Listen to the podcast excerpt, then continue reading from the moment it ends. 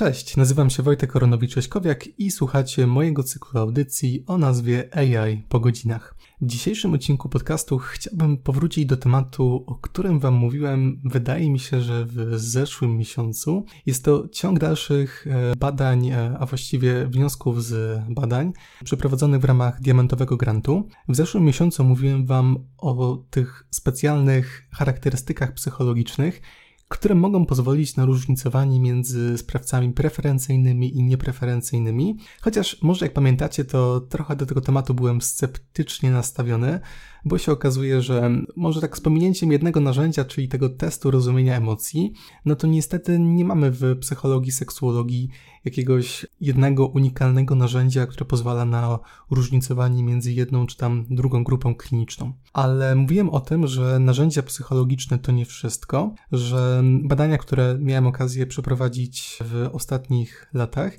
obejmowały również inne charakterystyki, inne niż psychologiczne, a mianowicie poznawcze.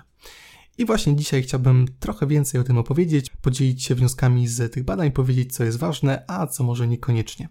Oto, może zaczynając w ogóle od początku. Skąd ten pomysł na to, żeby włączyć zarówno narzędzia psychologiczne, jak i poznawcze? Problemem z testami psychologicznymi, mówiąc bardziej dokładnie z kwestionariuszami psychologicznymi, albo szerzej z narzędziami psychologicznymi, jest taki, że zdecydowana większość z nich bazuje na samoopisie. Czyli macie różne stwierdzenia, na przykład lubię siebie, albo jestem osobą, która lubi przebywać wśród innych ludzi i macie po prostu skalę. Albo się zgadzam, albo się nie zgadzam. I wszystko jest w porządku, te narzędzia są naprawdę dobre, ale pod warunkiem, że osoba, którą badacie, nie ma żadnego interesu w tym, żeby się przedstawić w jakimś albo lepszym, albo gorszym świetle.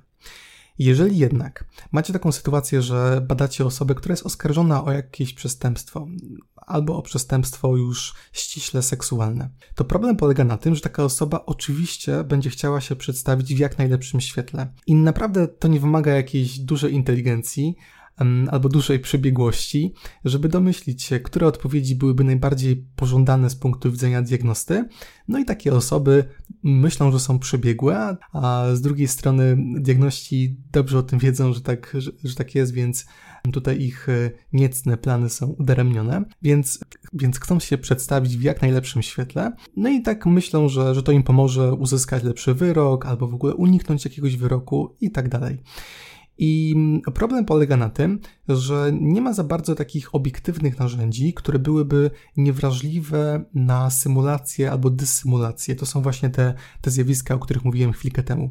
Do pewnego czasu myślano, że narzędzia projekcyjne, czyli takie narzędzia, narzędzia w cudzysłowie, dlatego że to nie są żadne prawdziwe narzędzia, tu można by użyć takiego określenia jak pseudonarzędzia. W każdym razie sprowadzające się do tego, że dajemy komuś jakąś abstrakcyjną kartę, na przykład pokazujemy te słynne motylki z testu Rorschacha i pytamy się kogoś, co pan pani widzi na tym obrazku.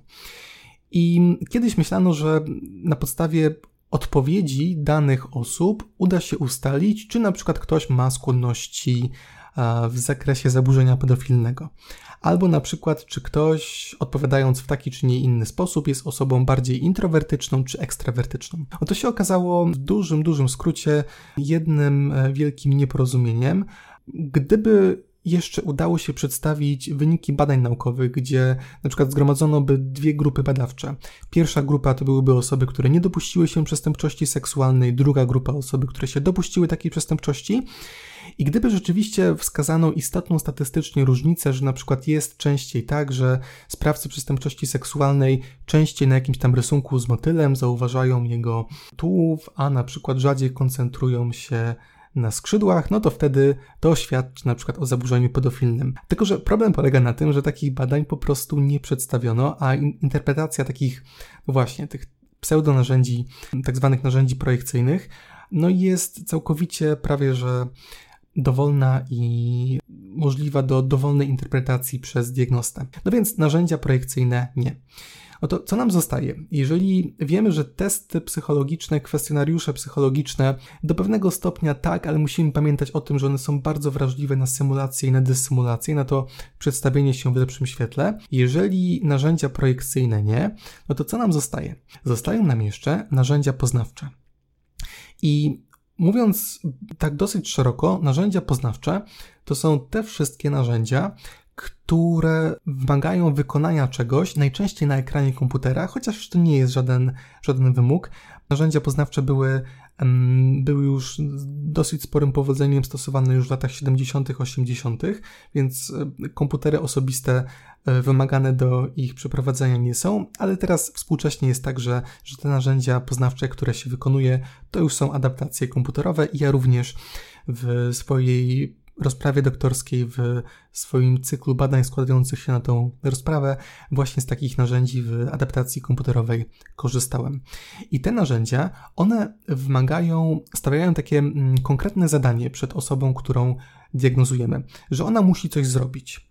I to są narzędzia, które mierzą na przykład to, w jaki sposób ktoś postrzega pewne sytuacje, jaką ktoś ma wiedzę, i w jaki sposób ktoś rozumuje, czy potrafi wyciągać logiczne wnioski i tak dalej. Czyli te wszystkie mm, czynności poznawcze, które nie są zależne od tego, w jak dobrym czy też złym świetle chcemy się przedstawić.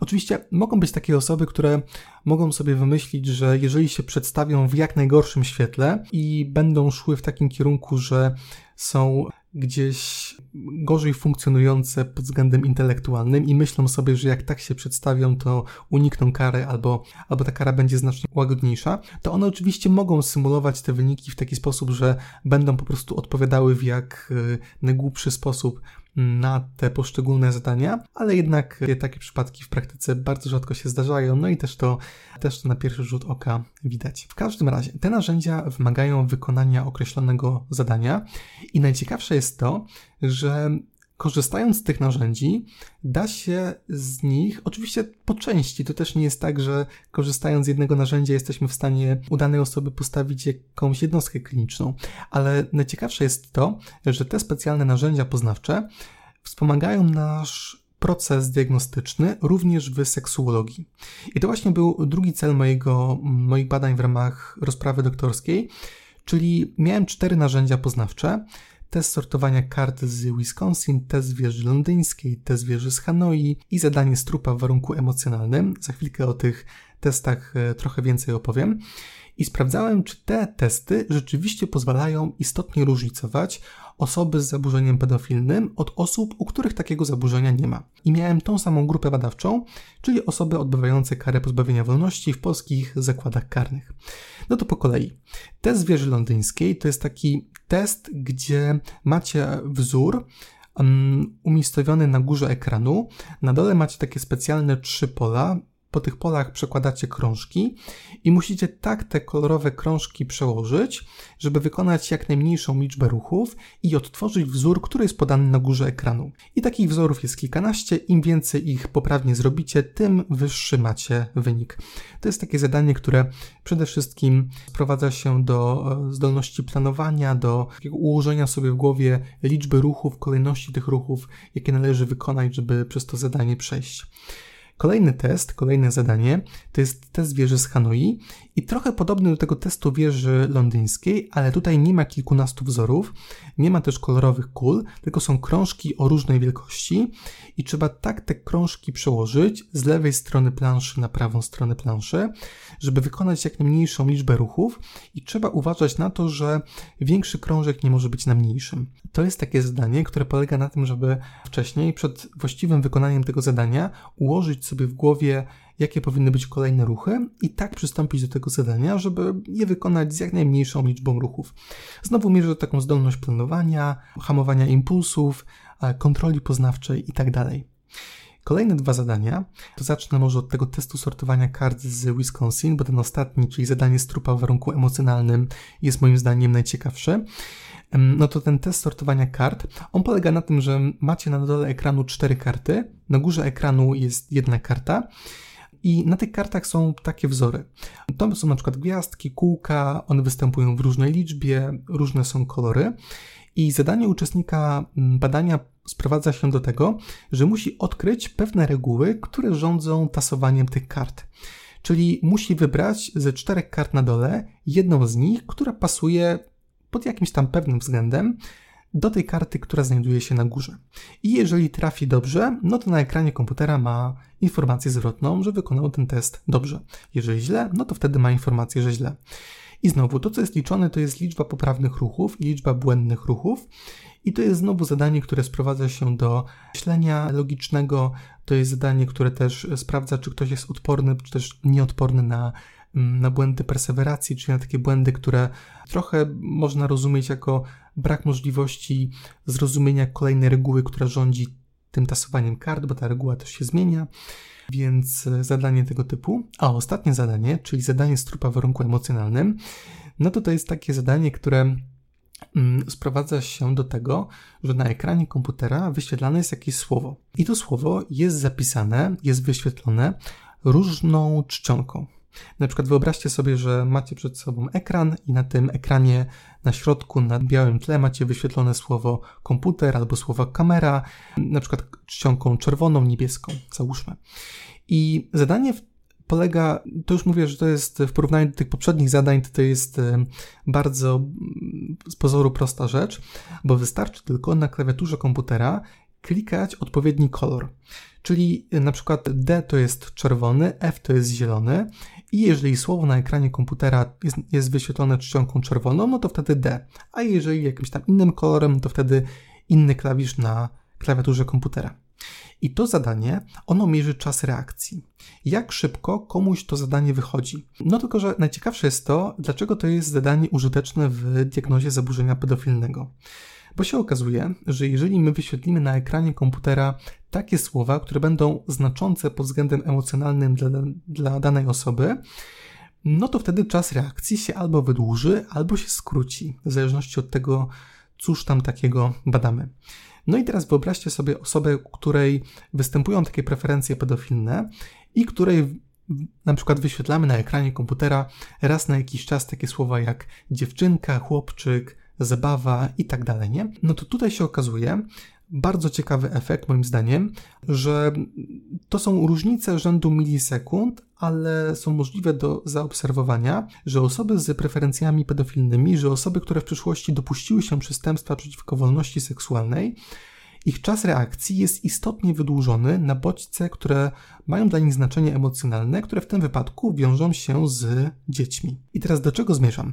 Do tego, że te, te narzędzia da się wykorzystać w diagnozie sądowo-seksuologicznej. Oczywiście nie wszystkie. Z moich badań wyszło, że no tutaj nie można być takim optymistycznym, że te wszystkie narzędzia, które są tak szeroko komentowane w literaturze, można bezrefleksyjnie w praktyce, szczególnie polskiego wymiaru sprawiedliwości, wykorzystywać do diagnozy, bo się na przykład okazało, że test sortowania kart z Wisconsin, on to w ogóle się nie nadaje do różnicowania między sprawcami preferencyjnymi i niepreferencyjnymi, ale można go używać tak ogólnie, żeby stwierdzić, jakie są zdolności poznawcze danej osoby i następnie odnieść je do norm albo mm, dla osób, u których występuje zaburzenie pedofilne albo nie, ale nie do samego różnicowania. Test wieży z Hanoi też tak nie bardzo. Ciekawsze rzeczy się już znajdują przy teście wieży londyńskiej i tutaj rzeczywiście są istotne statystycznie różnice między tymi grupami klinicznymi. Oczywiście to jest jedna tylko z przesłanek, to nie można też popaść w coś takiego, że jeżeli ktoś wykorzysta ten test, no to na pewno występuje u niego zaburzenie pedofilne, bo to zawsze musi być w korelacji z dokumentacją kliniczną i z wywiadem psychologiczno-seksuologicznym, ale jest to taka przesłanka, która na pewno pomaga w diagnozie. I najciekawsze rzeczy właśnie w tym zadaniu strupa w warunku emocjonalnym, bo moje badania pokazały, że rzeczywiście jest tak, że na pewną kategorię kliniczną, która występuje w tym teście, osoby z zaburzeniem pedofilnym potrzebują więcej czasu, ich czas reakcji wydłuża się, czyli może to też być jedna z kolejnych przesłanek, która może świadczyć o tym, że u danej osoby występuje zaburzenie pedofilne. Moje badania pokazały tylko, że to też nie jest tak, że zadanie strupa w warunku emocjonalnym to jest idealne narzędzie do, do rozpoznawania zaburzenia pedofilnego. Po pierwsze, ta różnica, którą mi się udało wskazać, ona jest istotna statystycznie, ale jest tak powiedzmy, że mm, umiarkowana mm, efektem pod względem klinicznym, czyli po prostu jako jedna z kolejnych przesłanek, a nie jako